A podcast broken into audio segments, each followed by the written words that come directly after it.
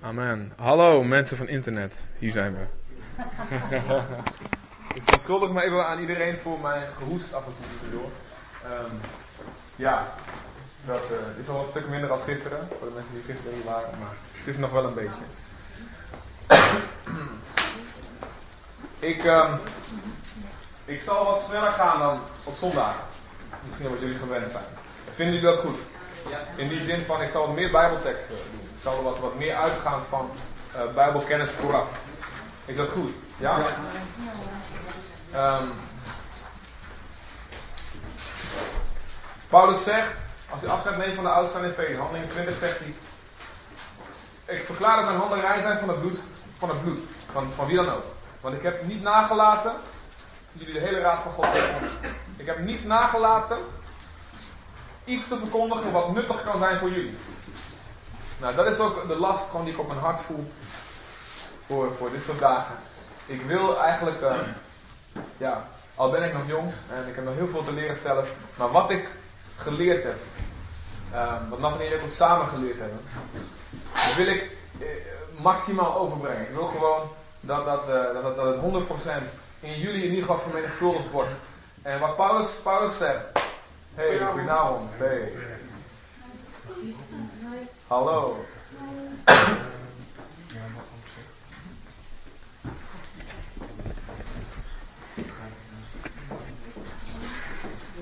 En de, bedoeling, en de bedoeling daarvan is vermenigvuldiging. Paulus zegt tegen Timotheus, wat ik aan jou geleerd heb, 2 Timotheus 2 verspreekt, wat ik aan jou geleerd heb, geef het weer door aan andere mensen, vertrouwde mensen, die zelf ook weer bekwaam zullen zijn om anderen te onderrichten. Dus Paulus spreekt dan over zijn kind Timotheus en dan over zijn kleinkinderen. Geestelijk, aan wie Timotheus het weer doorgeeft. Dan spreekt hij zelf over zijn achterkleinkinderen. Aan wie die kleinkinderen het weer moeten doorgeven. Dit is het principe van hoe, hoe Jezus het bedoeld heeft. Waarom Jezus zijn leven gegeven heeft aan twaalf, aan twaalf mannen. Zijn leven geïnvesteerd heeft aan twaalf mannen. Zodat zij het weer door zouden geven aan anderen. En dit is eigenlijk ook gewoon heel simpel wat, uh, ja, wat, wat, wat we hier ook vandaag willen doen. Wat we eigenlijk elke, keer willen doen wat we in de twaalf groepen doen.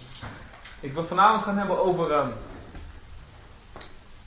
uh, over de grote opdracht, wat het inhoudt voor ons, discipelen maken. Wat betekent dat nou? dat het voor iedereen geldt, wat, uh, wanneer, het, wanneer het af is en wanneer het niet af is. En dan uh, een stukje pauze en dan wil ik het ook gaan hebben over um, wat het is om een herderlijke gemeente te zijn. Dus om ja, de functies van een herder over het waken over elkaar. Wat het betekent en wat het niet betekent. Wat de gevaren zijn, ook waar we naar moeten kijken. Dus ik wil het vooral spreken vanuit het perspectief van mensen die verantwoordelijkheid hebben voor anderen. Dus uh, misschien zit je hier en je bent geen twaalfopleider, je hebt geen verantwoordelijkheid over mensen. Maakt niet uit, denk even met me mee. Um, want allemaal zijn we geroepen om zorg te dragen voor elkaar.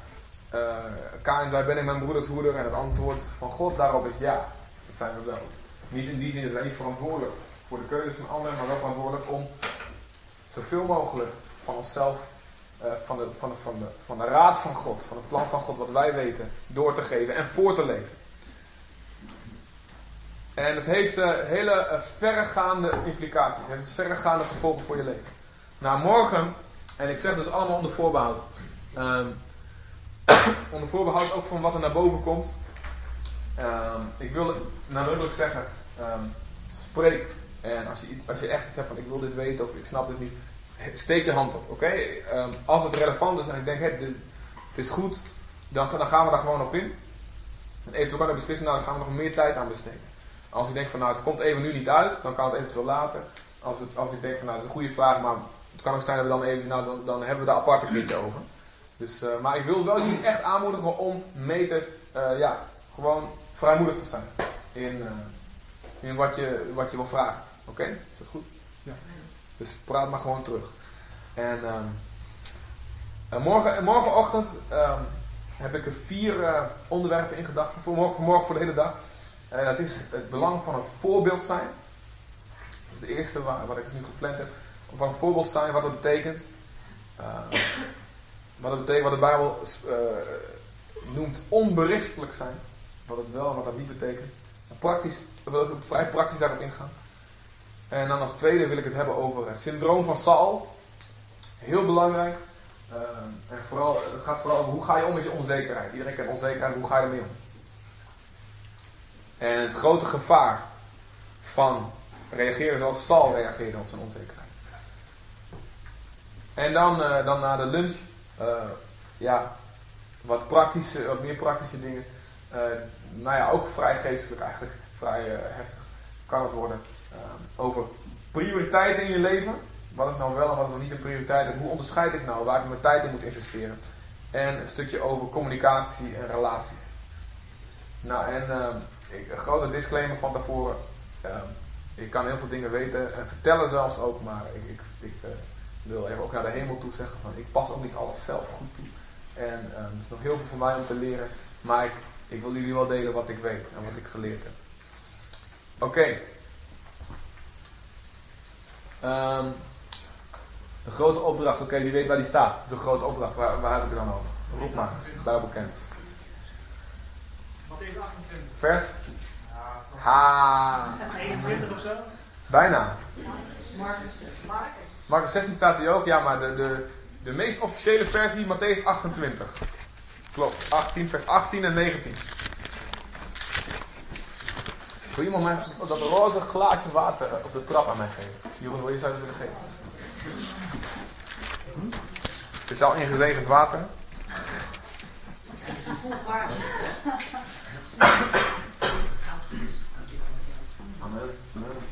Bonus.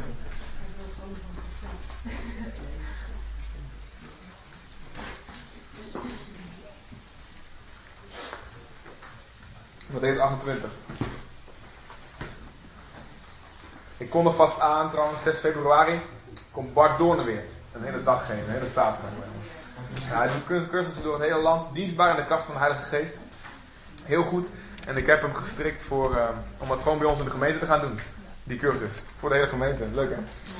En um, Jan Supassenkamp komt ook een een hele dag geven. Dat komt uh, later in het voorjaar, april of mei. Ik weet niet meer in mijn hoofd is heel erg leuk. En een laatste nieuwtje ook. Dit weekend gaat de website de lucht in. Ook heel erg leuk. Ja, is uh, te gek hè. Uh, hulp is nog steeds, hulp en ideeën zijn nog steeds welkom. Oké, okay, Matthäus 28. Vers 18. Wie wil dit lezen? Luister duidelijk, ook even voor, uh, voor de iPod. En Jezus trad naderbij en sprak tot hen, zeggende... Mij is gegeven alle macht in de hemel en op de aarde. Gaat dan heen, maakt al de volken tot mijn discipelen en doopt hen in de naam des Vaders en des Zoons en des Heilige Geestes en leert hen onderhouden al wat ik u bevolen heb. Amen. Dit is onze opdracht. Um, heel belangrijk. Voor wie is deze opdracht? Aan wie wordt deze, in deze tekst wordt die gegeven aan aan de elf. Hè? Geldt die voor ons vandaag? Ja of nee? Ja. ja. Maar geldt die voor ieder van ons? Of alleen voor een bepaalde groep? Nee.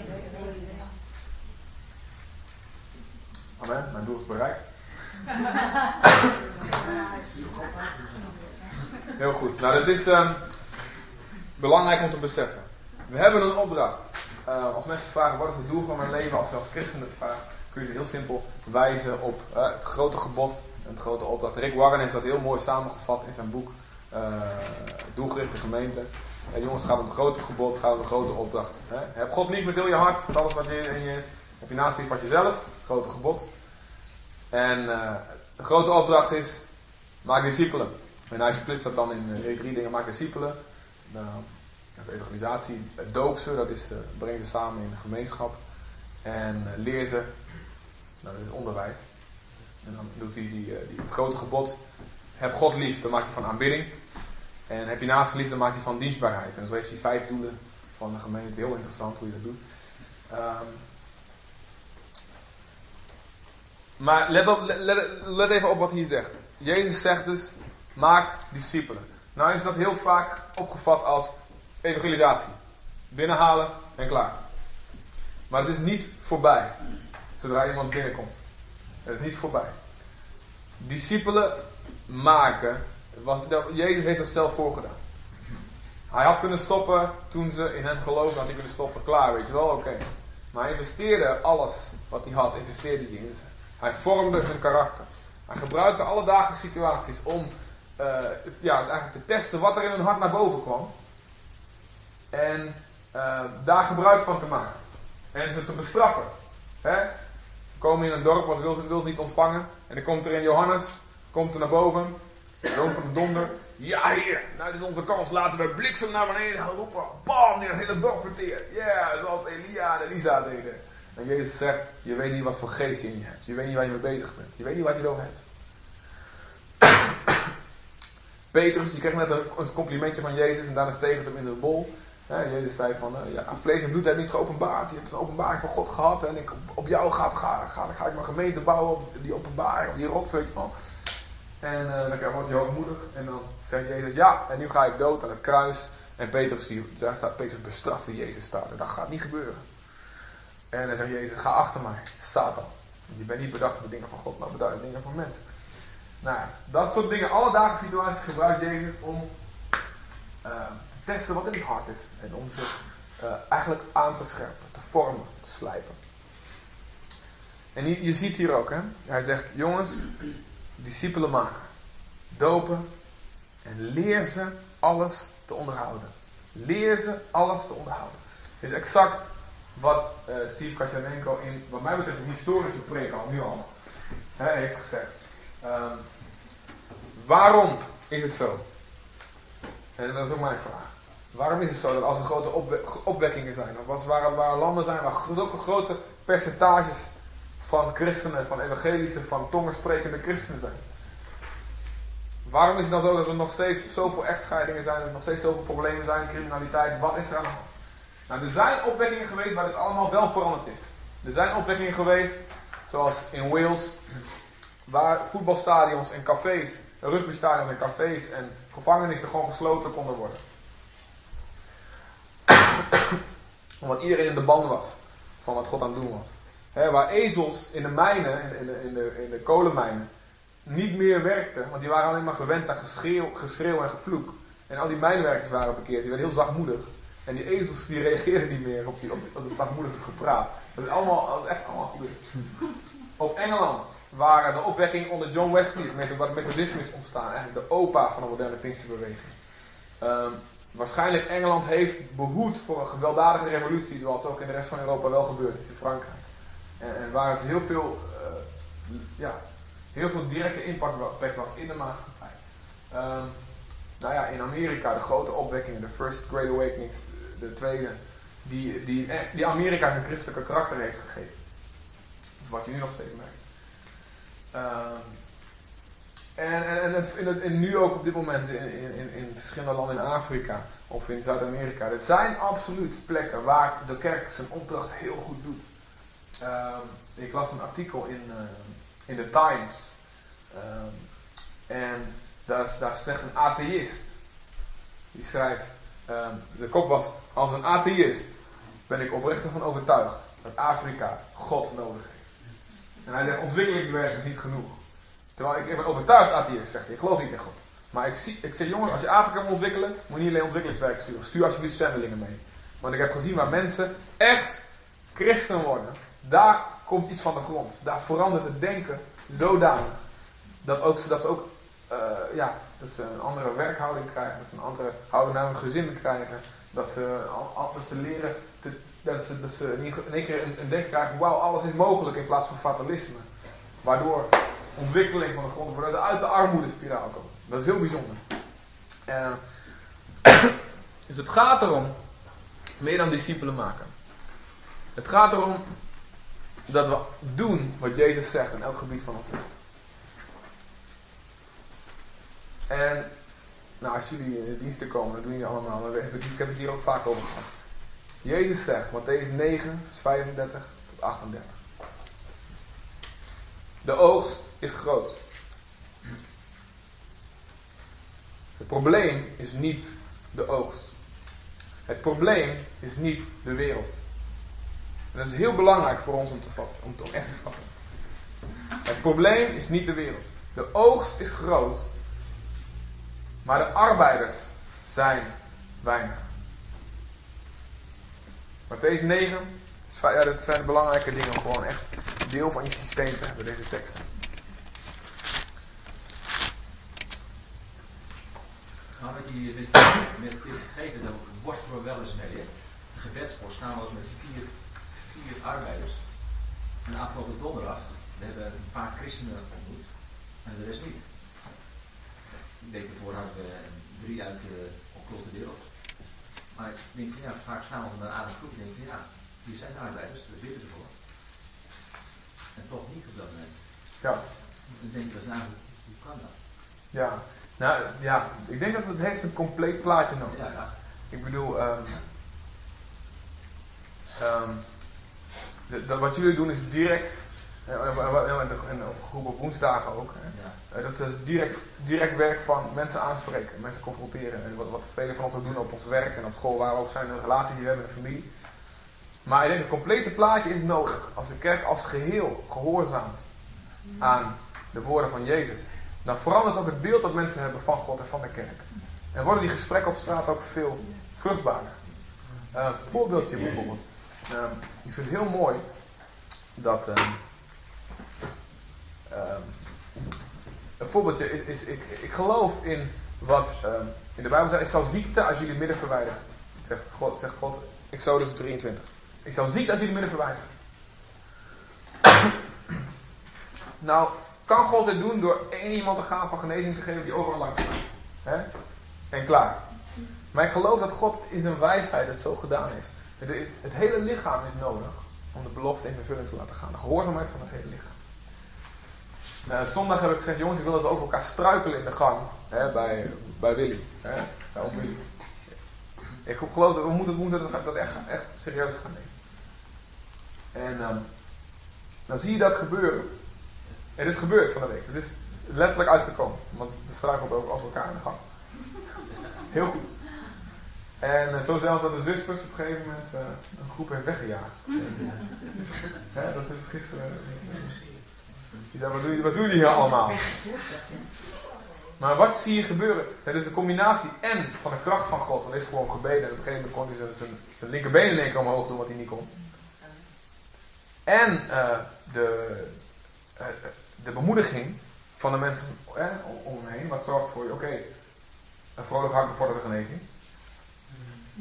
En eh, ja, dat, allemaal bij elkaar, zeg maar. Dat laat de belofte in vervulling komen. Dus ja, dus ik denk ook wat betreft evangelisatie. Jullie zijn gehoorzaam en dat je daar staat. Hè, maar er is een heel lichaam wat gehoorzaam ook no, no, eh, is nodig. Om de totaliteit van, wat, van het plan van God in vervulling te doen komen. Snap je, snap je dit? De hele lichaam moet opstaan.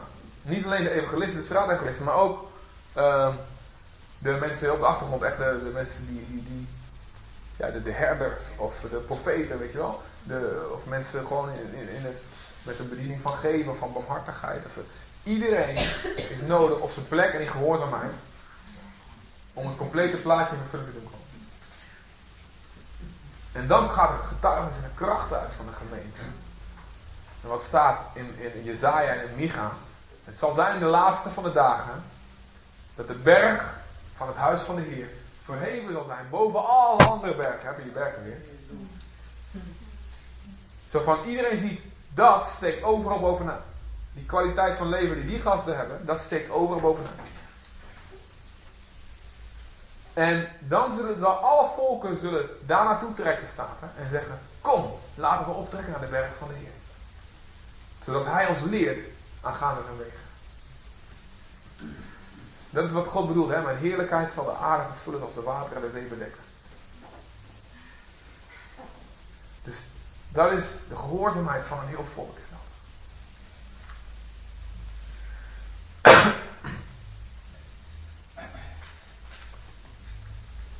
Toen wij, in Zutphen kwamen, toen, was, toen, we, toen wezen de, ja, of voordat we ook in Zutphen waren, toen we nog in Deventer woonden, en toen we Zutphense christenen ontmoetten zonder vermoeden te hebben dat we hier zouden gaan wonen, ehm, waren we al, hadden we al zoiets van, het, kan niet kloppen. Al die christenen zeggen van, het is zo moeilijk. Het is zo moeilijk en het ligt aan de stad. Het ligt aan de stad, satanisten, antroposofen, New Age, moeilijk en harde grond en duistere plek. En eh, zoveel gemeentes hebben al geprobeerd te starten en allemaal weer geklapt. En, en, en ze wezen allemaal, jongens, de oogst is helemaal niet groot. Hè? Er zijn een paar verdorde sprietjes en dat is het, weet je wel. Jezus zegt heel duidelijk. Kijk, sla je ogen op. Johannes 4 zegt hij. De velden zijn wit op de oogst. De arbeiders. Dus daar gaat het om. De arbeiders. Het hele plaatje van het hele lichaam. Dat is de flessenhals, zoals we dat willen zeggen.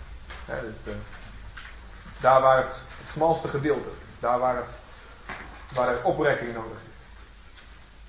Bid daarom. En in 35 staat er Jezus. Ik zal die tekst even helemaal lezen, 9 vers 35. Jezus ging alle steden en dorpen langs, leerde in hun synagogen, verkondigde het evangelie van het koninkrijk en genas alle ziekten en alle kwaal. Maar toen hij die scharen zag, werd hij met ontferming bewogen. Hier zie je de kern van de motivatie van Jezus, van, van Gods liefde en van, van wat ook in ons hart moet zijn. Werd hij met ontferming bewogen, omdat ze, ze voortgejaagd en afgemat waren als schapen die geen herder hebben. En toen zei hij tot zijn discipelen, de oogst is wel groot, maar arbeiders zijn er weinig.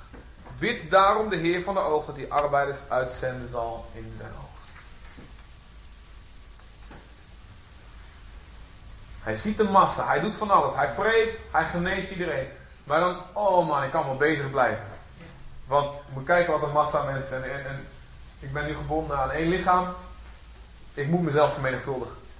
Jongens, het eerste wat hij doet, hoofdstuk 10, vers 1, volgende vers. Hij riep de twaalf discipelen tot zich, gaf hem macht over onreine geest om die uit te drijven, om alle ziekte en alle kwaal, kwaal te genezen. Stuurt hij ze uit, geeft ze instructies mee. Heel logisch. Jezus doet de bediening, het werk van de bediening. Geneest en predikt. Brengt het koninkrijk. Ziet nog meer massa's mensen. Wordt met ontferming bewogen. En zeggen, jongens, jongens, er moeten meer arbeiders komen. Dat is het probleem. De oogst is groot. Arbeiders. Die vol zijn van de kracht van God. Dat is het probleem. Vol zijn van de liefde van God. Dus, ik ga jullie trainen, ik ga jullie uitsturen, ik ga jullie vormen. Heel simpel.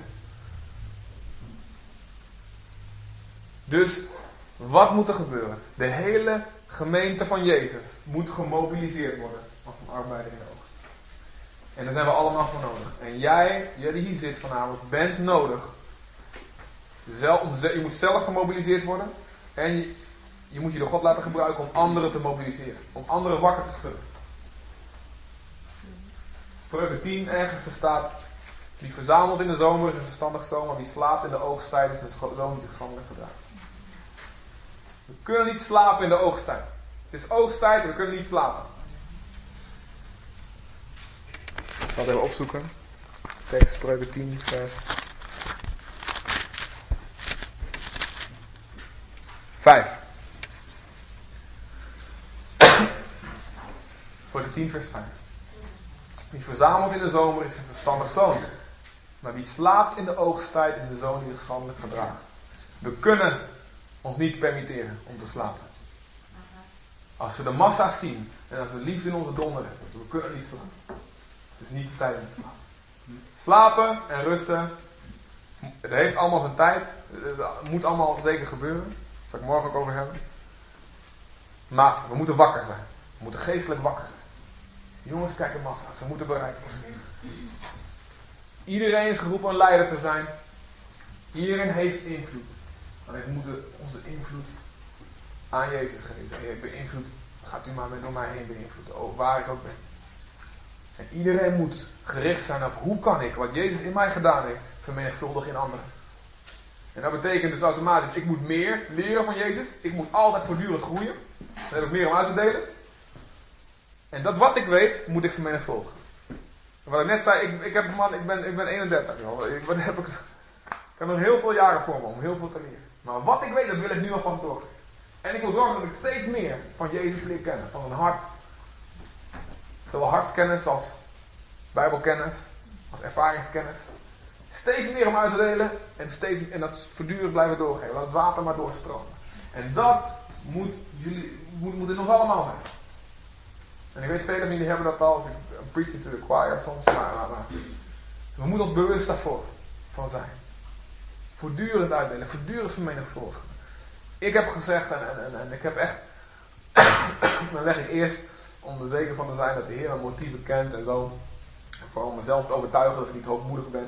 Ik Heer, oké, we gaan niet om mij en niet uit, ik wil de rest van mijn leven wel achter een gordijn en gewoon bidden en onopvallend. Heer, maar alsjeblieft, ik wil een leven leiden wat impact heeft op zoveel mogelijk mensen. Als u me kunt gebruiken voor miljarden mensen, dan ben ik bereid. Kom maar. U kan het. En dan, dat mag allemaal indirect zijn. Maakt me niks uit. Maar alsjeblieft, ik wil, ik wil maximale impact hebben voor je. En dat kunnen jullie allemaal. Je hoeft geen spreker te zijn, je hoeft geen voorganger te zijn, je hoeft zelfs geen titel te hebben. Je hoeft niet, je hoeft niet gezien te worden door heel veel mensen, niet erkend te worden door heel veel mensen. Je kunt impact hebben. En dat moet in ons allemaal leven. Heer, zoveel mogelijk mensen door mij heen. Nou, we gaan even wat teksten achter elkaar lezen. Over wat de Bijbel spreekt over. Wat is nou over dat, dat discipelen maken. Galaten 4 vers 19.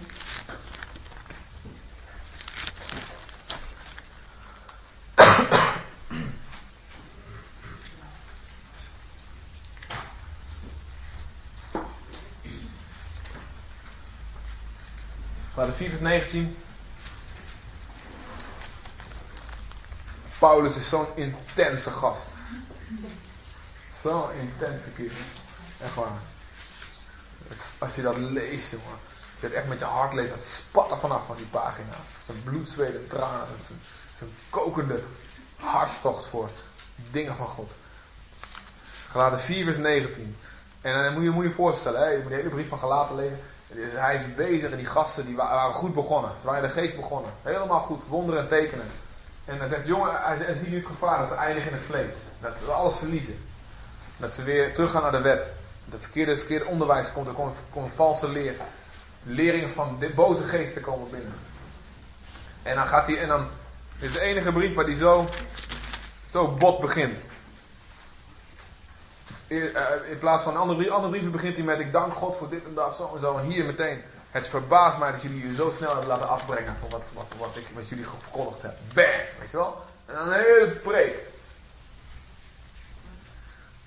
en dan in midden van al dat, dan is hij zo aan het knokken. Hij zegt, ik wil jullie op het rechte pad. Ik wil dat jullie goed bezig zijn. En dan zegt hij Galaten 4 vers 19. Mijn kinderen. Te midden van die hele tirade. Mijn kinderen, ter wille van wie ik opnieuw. Wat staat er? Weeën. Doorstaan. Wil een paar dames gewoon even het geluid van een wee even, even volgen? Nee, niemand hè? Oh, ik ben er bij een paar geweest hoor, wauw. Weeën. Heb je wel eens weeën gehad van mensen? Ja. Heb je wel eens gebedsweeën gehad van mensen? Ken je die intensiteit van wat die staat? Mijn kinderen ter wille van wie ik weeën doorsta. Totdat, dus ik ben in een geboorteproces. Jullie zitten in het geboortekanaal. Het hoofdje is er al uit, maar uh, de schouders moeten er nog door. Gewoon 10 centimeter ontsluiting en in actie. Totdat, wat staat er? Totdat Christus in u gestalte verkregen heeft. Ik zou wensen dat ik op dit ogenblik bij u was en op een andere toon kon spreken, want ik ben in zorg over u. Wat een intensiteit, weeën. Weeën totdat ik Jezus, de, de karakter van Jezus in jou gevormd zie. Wauw. Dat is mijn, dat is mijn bevalling, zegt Paulus. Weeën. Ik wil dat Jezus in jullie gevormd worden. Niet gewoon, oké, geloof in Jezus, zondags gebed en doop, wat, klaar. Jezus moet in jou gevormd worden. En totdat dat gebeurt ben ik aan bevallen. Wow!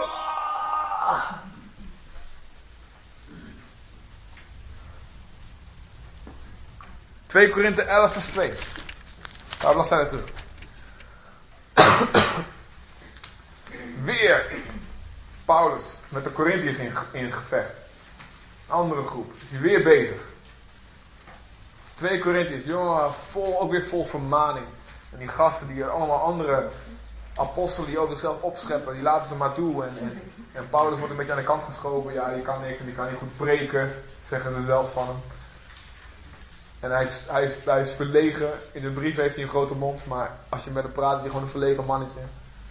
En dan schrijft hij deze hele brief. En dan zegt hij, ver- eh, 2 Korinther 11 vers 2. Want met een ijver gods waak ik over u. Want ik heb u verbonden aan één man, om u als een reine maagd voor Christus te stellen. Maar ik vrees dat misschien, zoals de slang met haar sluwheid Eva verleidde, ook uw gedachten van een eenvoudige en loutere toewijding aan Christus afgetrokken zullen worden. Weer die intensiteit. Met een ijver van God waak ik over jullie. Mijn missie is, Jezus komt. En ik, ma- ik ben degene, ik ben, ik ben jullie chaperone, hoe heet dat? Die jullie klaar moet maken als een reine maagd. Ik zal ervoor zorgen dat jullie als je als een reine maagd verbonden wordt aan die ene man. Dat is mijn missie. Jullie moeten klaar zijn voor Jezus als die komt. Jullie moeten klaar zijn voor de bruiloft van het lam. Colossense 1. Gaan we verder. Galaten, Efeziërs, Filippenzen, Colossense. Colossense 1 vers 28.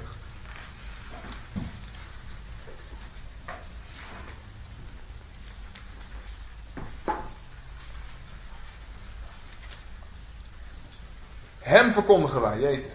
Hem verkondigen wij. Wanneer wij ieder mens terechtwijzen. En ieder mens onderrichten. In alle wijsheid. Om ieder mens in Christus volmaakt te doen zijn. Hiervoor span ik mij ook in. Onder zware strijd. Naar zijn werking die in mij werkt met kracht. Wauw. Daar heb je het weer. Ik verkondig Jezus. En ik doe dat, ik verkondig Jezus terwijl ik mensen terecht wijs. En mensen onderricht in wijsheid. Zo moet je doen. Je moet niet zo, je moet die keuze, dat zijn goede keuzes. En dit is niet goed, ik wijs je, dit is niet goed, je moet het veranderen in je leven. En daarmee, op die manier verkondigde Jezus. Onder zware strijd. Kun je nagaan, onder zware strijd. Tuurlijk onder zware strijd. En wat is het doel om ieder mens in Jezus volmaakt te moeten zijn? Zie je wat hij, zie je wat hij voor zich ziet? Hij ziet hij visie voor zich. Mensen moeten volwassen worden in Jezus. Ik wil Jezus, het hele karakter van Jezus zijn gevormd zien worden. Discipelschap, heiliging, gehoorzaamheid, toewijding, eenvoudige, loutere toewijding, liefde, kracht, al die dingen. Hij ziet Jezus voor zich.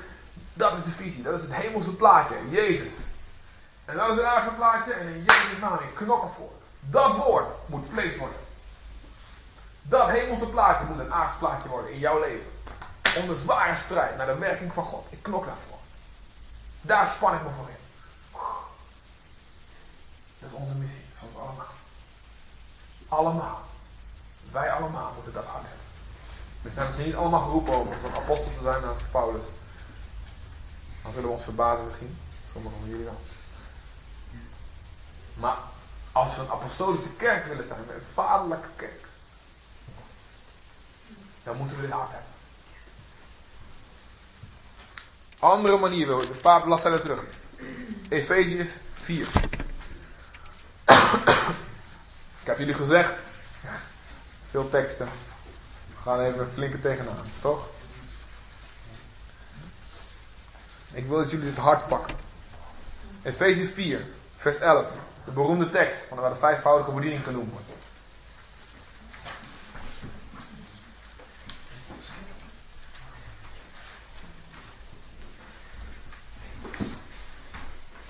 Efeze 4, vers 11. Hij heeft zowel. En even niet kijken, niet kijken naar, je, naar, niet kijken naar, de, naar de Bijbel. Noem, noem even voor mij de vijf bedieningen. Apostelen. Ik heb ze allemaal al gehoord, heel goed. Apostelen, profeten, herders, evangelisten en leraars. Leuk geintje om ze te onthouden. Een uh, uh, wijsvinger is de profeet, die wijst de vinger op de plek. De middelvinger is de evangelist, die rijdt het verste de wereld in. Hè? Een ringvinger, daar zit, het, uh, daar zit de ring om en trouw, herder. Ehm, Leraar. de, de, de leraar is de pink, die houdt de hele hand in balans. Hè. Om die oren open te maken. Oh ja, dat ook, ja, Ja, inderdaad. ja, ja. Goeie man, woei. Nee, helemaal oranje. En, ehm, mijn oor is fan van Nederlands elftal. En eh, duim, de duim is de apostel die, eh, alles alle die zegt, eh die kan hand aanraken. Ehm, hij heeft, Jezus heeft al die vijf gegeven om de heilige toe te rusten tot dienstbetoon. Hè? Steve gezegd heeft, het gaat erom, de heilige moet in actie komen. Niet alleen die vijf bedieningen, iedereen. Totdat, tot opbouw van het lichaam van Christus. Totdat we allemaal de eenheid van het geloof en van de volle kennis van de Zoon van God bereikt hebben. De mannelijke rijpheid. De maat van wasdom, van volwassenheid, van de volheid van Christus. En dan weer die visie voor zich. Zo moet het worden. En dan, als dat gebeurt, dan zijn we niet meer onmondig. Als kleine kinderen. Op en neer, heen en weer geslingerd, onder invloed van allerlei wind van leer. Door het valse spel van mensen. In hun sluwheid, die tot dwaling verleidt. Dat is een teken van onvolwassen zijn. Er komt hier een doctrine en die zegt dit en dat. Oh, leuk, weet je wel. En er komt daar een leer. en Oh, iedereen zegt met elke wind die waait, waai je de kinderen mee. Door sluwheid of valsheid van mensen. Door mensen die zelf ook misleid zijn. Gaan we ook nog over hebben trouwens. Maar dat is een kenmerk van onvolwassenheid. Geen vastigheid. Meegaan met allerlei, allerlei gedachten. Maar dan, als we volwassen zijn, dan groeien wij ons aan de waarheid houdende in liefde in elk opzicht naar Hem toe die het hoofd is. Christus. En aan Hem, aan Jezus, ontleent het hele lichaam als een welsluitend geheel. En bijeengehouden door de dienst van al zijn geledingen, hè, gewrichten en, en, en spieren en, en wat weet ik veel wat al hebt. Naar de kracht die elk lid op zijn wijze oefent, heb je weer elk lid. De kracht die in elk lid is. Elk lid, elk lid. Niet eentje moet missen in een lichaam. Moet elk ding moet werken. En soms, ja, er kunnen wel dingen uitvallen, maar dan wordt het lichaam minder effectief. Iedereen, elk lid, moet bezig zijn. Maak ons een leger op Roep alle kinderen. En dan staat er zo'n tekst van, nou ik weet niet hoe die gaat. Maar ja, die elk lid op zijn wijze oefent. Deze groei van het lichaam. Om zichzelf opbouwen in de liefde. Je hebt zie weer. Volheid van wasdom. De volwassenheid. Vastigheid. En een andere beeld. Romeinen 15 vers 16. Je hoeft niet op te zoeken. Maar dan zegt, dan zegt hij, jongens. Ik sta in de heilige dienst van het evangelie van God. Met als doel dat de offergave van de heidenen voor God welgevallig zou zijn. Geheiligd door de Heilige Geest. Oftewel, ik ben bezig, ik ben een priester. Paulus is natuurlijk vol van het Oude Testament. Ik ben een priester, ik ben een Levitische priester. En ik, en moet een volmaakt offer. Je moest een perfect offer hebben. Ik ben bezig een offer voor te bereiden voor God. En dat offer, dat, jullie zijn het offer. En dan wil ik, ik, wil, ik wil jullie als offer aanbieden. Perfect. Nou, dus hier zie je in al deze teksten de passie van Paulus. Ik wil een volwassen kerk.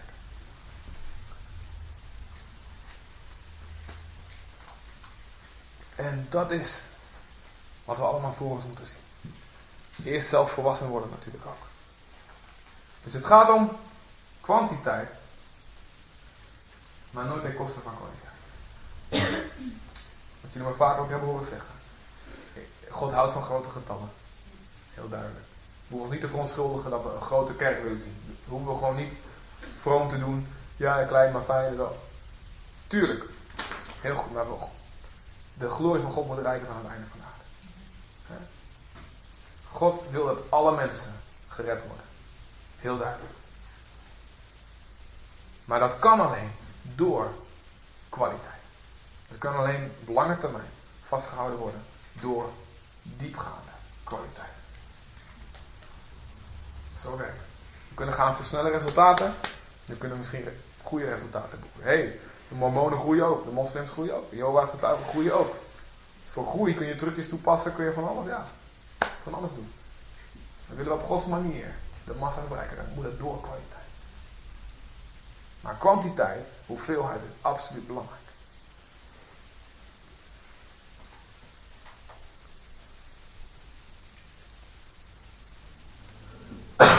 Dus Als wij zeggen, we hebben een bepaalde strategie. En die strategie is altijd iets wat altijd open blijft voor verandering. We altijd moeten kunnen aanpassen als de Heilige Geest spreekt. Maar een strategie is, bouwen aan leiderschap, door dit soort weekenden, door diensten, zondag, door de twaalf groepen met name. En van daaruit weer, jullie hebben Steve ook gehoord van het geweldig, dat is ook wat ik, ik echt voor me. Veel huisgroepen, veel twaalf groepen, discipelschap, waar discipelschap plaatsvindt, waar vorming plaatsvindt. Waar relaties gebouwd worden. Waar evangelisatie doorheen plaatsvindt. Waar de zorg is voor elkaar. Waar al die dingen gebeuren. Veel groepen. Denk dat is hoe je een grote gemeente bouwt en bij elkaar houdt. De handelingen staat ook, ze kwamen en in de tempel bij elkaar. Grote onder, het onderwijs van apostelen, met z'n allen. En in de huizen. Waar ze in eenvoud een altijd gebruikt en alles gemeenschappelijk hadden, al die. Dus die twee, die twee pijlers heb je nodig. Dus veel groepen. Dat betekent, we hebben veel leiders nodig. Gewoon even heel simpel, dit is niks, hier niet niks geestelijks aan, het is gewoon een, een rekensommetje. We hebben nu rond de 10, 12 groepen. Heel goed, super. Nou ja, betekent dat we, laten we zeggen 120, 120 man daarin kunnen hebben, zeg maar. Willen we groeien naar 240 en meer, dan moeten we dus het aantal leiders wat klaar is van goed te leiden verdubbelen. Gewoon heel simpel. Willen we doorgroeien naar 500, naar 1000 man, dan moeten we mensen hebben die het kunnen dragen. Anders kunnen we zelf, zelfs ten onder gaan aan onze eigen, ja, aan succes, zeg maar. Dus dat betekent, mensen moeten zeggen, ik ben bereid mijn verantwoordelijkheid te dragen. Ik ben bereid een 12 groep te gaan leiden, of wat voor specifieke groep dan ook. Het kan ook een hele creatieve vorm. Maak dan hoe de Heilige Geest het op het hart van iedereen legt. Dat kan ook heel anders zijn, buiten, wat buiten het officiële plaatje valt, of wat dan ook. Daar zijn we gewoon open voor. Maar we moeten allemaal ons deel dragen. En, ehm, maar die leiders moeten wel een kwaliteit hebben. Er is een groot gevaar. Er is een groot gevaar aan het, ehm, het mensen in leiderschap of in verantwoordelijkheid zetten die nog niet klaar voor zijn. Zowel voor die personen zelf als voor de mensen die ze leiden. Als voor de naam van Jezus ook. En dat is ongeveer het laatste wat ik zeg. En dan gaan we even naar de pauze. Maar het is wel belangrijk iets. Uh, 1 Timotheus 3.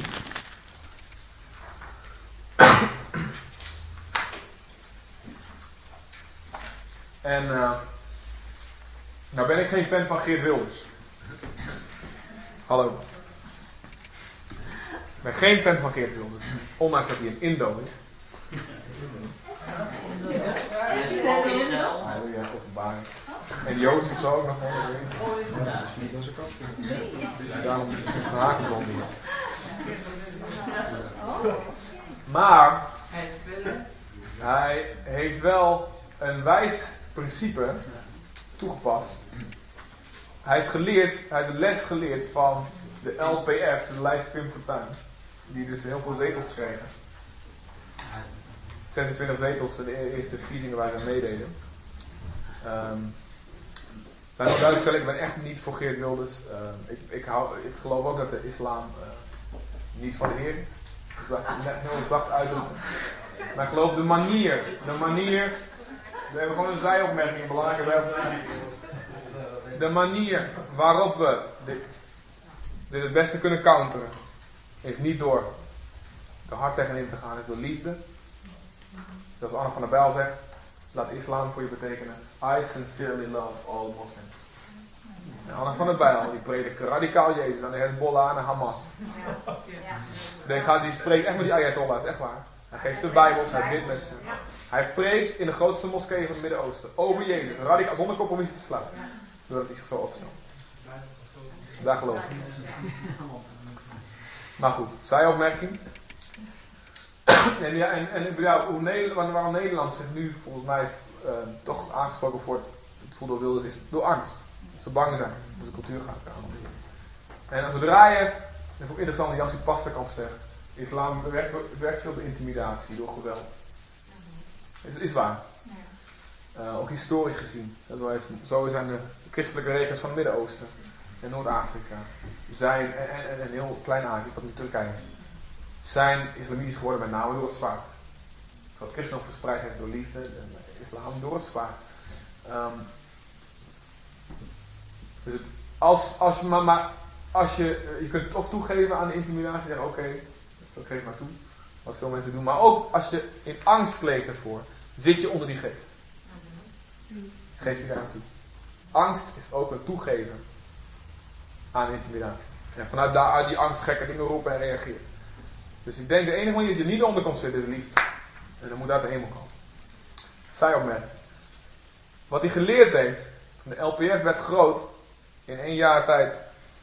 Nadat Pim Fortuyn vermoord werd, ook nog heel veel mensen overal in de gemeenteraad. En ging ten aan zijn eigen, succes, want er waren te weinig leiders die klaar waren. Dus de PVV doet nou niet meer in de gemeenteraadsverkiezingen, die volgens mij gisteren waren in Venlo, nog wat plekken en zo. Mensen waren teleurgesteld. Maar hij, ja, dat is een, hij heeft geleerd, als ik nou allemaal mensen daar in de gemeenteraad zet die, die ik niet ken, hè, die, die niet klaar ervoor zijn, die, die uit zijn op posities en, en macht en al die dingen. Ja, dan, dan stemt straks niemand meer op me. Dus hij gaat heel voorzichtig. Dus dat is een, wel een goede, goed principe wat hij toepast. Paulus zegt ook, hè? Eh, sorry, Exodus 23 zegt ook, ik geef jullie het hele land. Ik zal het even opzoeken voor de schrijvers voor de opnames. Exodus 23, vers 29 en 30. Ik zal hen niet, ik geef jullie het hele land, helemaal, maar ik zal hen niet, de tegenstanders, niet in één jaar voor jullie uitverdrijven. Opdat het land geen woestenij zal worden. En het wild gedierte hier niet te veel worden. Heel simpel. Dat gewoon het hele land meteen schoonveegt. Maar de Israëlieten zijn nog met zo'n klein clubje. Leeuwen en honden, en de honden die verwilderen en die worden wolven en al die dingen. Langzamerhand zal ik hen voor u uitverdrijven, totdat je zo vruchtbaar wordt dat je het land in bezit kan nemen. Dus wij moeten zorgen dat we zo vruchtbaar worden, geestelijk, dat we alles in bezit kunnen nemen. Snap je dat? Anders kan God, God kan nu, dat kan niet. En gebeurd, en ik, heb, kan duizenden verhalen aan je laten zien. Maar God hele regio's in één keer daar. Heilige Geest komt over een stad. Iedereen is overtuigd van zonde. En je zegt, ik weet niet waarom, maar ik heb vergeving nodig. Vaak gebeurd in de geschiedenis. Ik, en, en, dat, is- en ze beginnen met lopen. Allemaal onder invloed van de Heilige Geest. En ze weten niet waar ze naartoe gaan. Ze eindigen bij de kerk. En die mensen doen s ochtends doen de deur open van de kerk. Die worden wakker en denken, hé, wat is dit nou? Een massa mensen voor een deur. Soms nog kilometers ver weg. Tientallen kilometers. En zeggen allemaal, we weten niet, we zijn allemaal hieruit gekomen, we hebben allemaal vergeving nodig, we weten niet hoe. En jullie kunnen het ons vertellen. God kan dat doen. God doet dat ook. Maar wij moeten zorgen dat we het aan kunnen. Anders kan God het wel sturen. Maar ja, dan is het zo, dan, dan glippen ze door de mate van net heen. Wij moeten zo vruchtbaar worden dat we het land in bezit kunnen nemen. Amen. Amen. Jouw leven moet zo vruchtbaar worden. Dat je het land in bezit kan nemen, dat je je deel kan dragen. En daarom 1 Timotheüs 3. 1 Timotheüs 3, vers 6. Het gaat over het opzienersambt. Episcopos in het Grieks, waar het woord bisschop vandaan. Oudste, leiderschap, maar dat is een algemeen principe. Eh, hij mag niet een, een, een, een, een, eh, een opziener mag niet een pasbekeerde zijn. Ondanks dat ze heel enthousiast kunnen zijn. Maar wat is het gevaar? Opdat hij niet door op... oh, sorry, 1 Timotheüs 3 vers 6. Hij mag niet een pasbekeerde zijn. Opdat hij niet door opgeblazenheid in het oordeel van de duivel zal vallen. Dus dat betekent in hetzelfde oordeel als waar de duivel in gevallen is. De duivel is gevallen als een trots. Wat er gebeurt er opgeblazenheid, dat is, dan denk maar aan een ballon. Dat is eigenlijk maar zo'n stukje rubber. Maar het kan soms wel zo eruit zien. Nou, zo was ik ook. eh, toen ik pas bekeerd was. Ik dacht dat ik de wereld aankom. En technisch gezien met de Heer kon op de wereld natuurlijk aan. Maar ik dacht dat ik alles was. Ik dacht dat ik er helemaal was. Ik begon iedereen te les te lezen. En eh, jij moet dit en waarom doe jij niet dat? En ach, die gemeente moet zo, die voorganger moet zus. En ik wist alles beter. Ik was opgeblazen. En als je opgeblazen bent en je gaat dingen roepen en je gaat anderen oordelen, dan veroordeel je jezelf. Val je in hetzelfde oordeel als waar de duivel in valt. God wil dat niet voor ons. En God wil het ook niet voor de mensen die je leidt. Dus moet een stuk vorming, een stuk nederigheid in plaatsgevonden hebben. Het moest in mij duidelijk gebeuren. Halleluja. Nog steeds altijd, elke dag is God bezig. Maar het belang, opgebladenheid is een groot gevaar. Um, er staan ook hele leuke spreuken daarvoor. Ik hou wel heerlijk, ik hou van die geweldige spreuken. Spreuken 26 vers 10. Bijvoorbeeld. Echt lachen.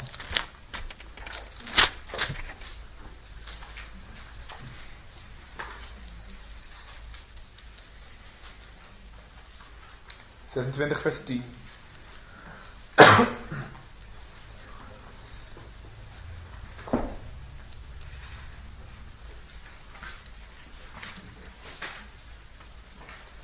Zoals een boogschutter die alle voorbijgangers verwondt, is hij die een dwaas en dronkaards in dienst neemt. Amen. 26 vers 10. Toch? Geldt ook in bedrijfsleven. Waar je ook bent, onderwijs, in de zorg, waar je ook werkt. Zoals een boogschudder die al. Doe maar wat. Iedereen loopt langs, je ziet al die mensen met pijlen in een bil rondlopen. Zo ben je als je een dwaas en dronkaard verantwoordelijk hebt. Duidelijk leiderschapsprincipe, leuk hè? Dus God zegt, ik wil heel veel arbeiders in de oogst. Ze zijn allemaal nodig. En iedereen kan een leider zijn. Iedereen heeft invloed gekregen. Iedereen kan een last dragen. Maar je moet klaar. Je moet, want als je water en dronkaard bent, jongens. Kunnen niet op ons geweten hebben, al die pijlen in al die billen. Dus, laat je vormen. Door God. Daarom zegt Paulus tegen Timotheus in Titus 1 zegt hij het ook. Jongens, leiderschap moet er, zijn gewoon voorwaarden. Je moet dit zijn, je moet dat zijn, je moet dat zijn. Dus niet om, om streng te doen. Weet je wel? Niet om exclusief te doen. Niet om te zeggen dat zijn betere mensen. Nee, absoluut niet. Maar je moet klaar zijn. Je moet klaar zijn. Moet kwaliteit zijn. Ik weet, ik, ik hoor dat soms van verhalen. Een heel snelle groei, gemeente wat snelle groei is. Maar dan, dan, dan, dan hoor je dat in de wandelgangen van, ja, ik ken die gemeente niet, dus ik heb het dan, ja. Ik hoor het gewoon maar van mensen. Maar misschien heb ik helemaal niet gelijk, maar dat hoor je. Ja, weet je wel, het, is wel te gek. Maar ja, ze maken die en die celleider. En ja, daar klopt helemaal niks van. Het leven, weet je wel. Die heeft dit en die heeft dat en die ook. Dus je kan allemaal maar zijn, ding beginnen. En het is niet goed voor de getuigenis. Als het allemaal waar is, niet goed. Uiteindelijk, lange termijn, loop je vast. En mensen denken, oh, ik, ik kan nu al dit doen. En wordt opgeblazen. Bam. Dus daarom staat de Bijbel vol met verhalen. Van al die mensen die gevormd moesten worden. Abraham, Jozef, Mozes, Jozua, Samuel, David, jongen. Moest geconfronteerd worden met Saul. Om, om de Saul uit henzelf op te halen. En ga maar doen, de discipelen. Laat je vormen. Jezus heeft iedereen nodig. Jezus zegt nooit nee tegen iemand die zich in dienst stelt van hem. Maar hij zegt, oké, ben je bereid je te laten slijpen? Ben je bereid je in elkaar te laten slaan door mij? Als je niet getuchtigd wordt door God, niet gedisciplineerd, niet opgevoed wordt, niet in elkaar geslagen wordt af en toe, dan ben je een bastaard, dan ben je geen echte zoon. Is het Maar ben je een zoon, onderwerp je aan de tuchtiging van God. Laat je slijpen, laat de scherpe kantjes eraf slijpen. Laat de beeldhouder alles van je weghakken wat niet Jezus is. En had God daar een plek met 25. Halleluja. Hele leuke mensen aan je geeft. Dan zeg je, ja heer, dank u wel. Dan weet ik dat ik dat nodig had. Oh mijn god. En als je nee zegt, zegt God, oké, dan blijven we 40 jaar om dezelfde, om dezelfde berg draaien. Is geen probleem. Dan moet je hetzelfde examen nog een paar keer doen. Daarom stuurt God je al die moeilijke mensen om je heen, amen. Die moeilijke dingen in je leven. Zeg je halleluja, dank u wel vader. Dat is mijn bijbelsgrond. Precies op maat gesneden. Laat je vormen. God heeft iedereen nodig. Arbeiders in de oogst. We gaan de stad bereiken. Ja, we gaan de stad innemen. We gaan het land innemen. Maar laat je vormen. Amen. God neemt geen dwaas en dronkaard van dienst. Oké, we gaan even pauze houden. Ga door verder.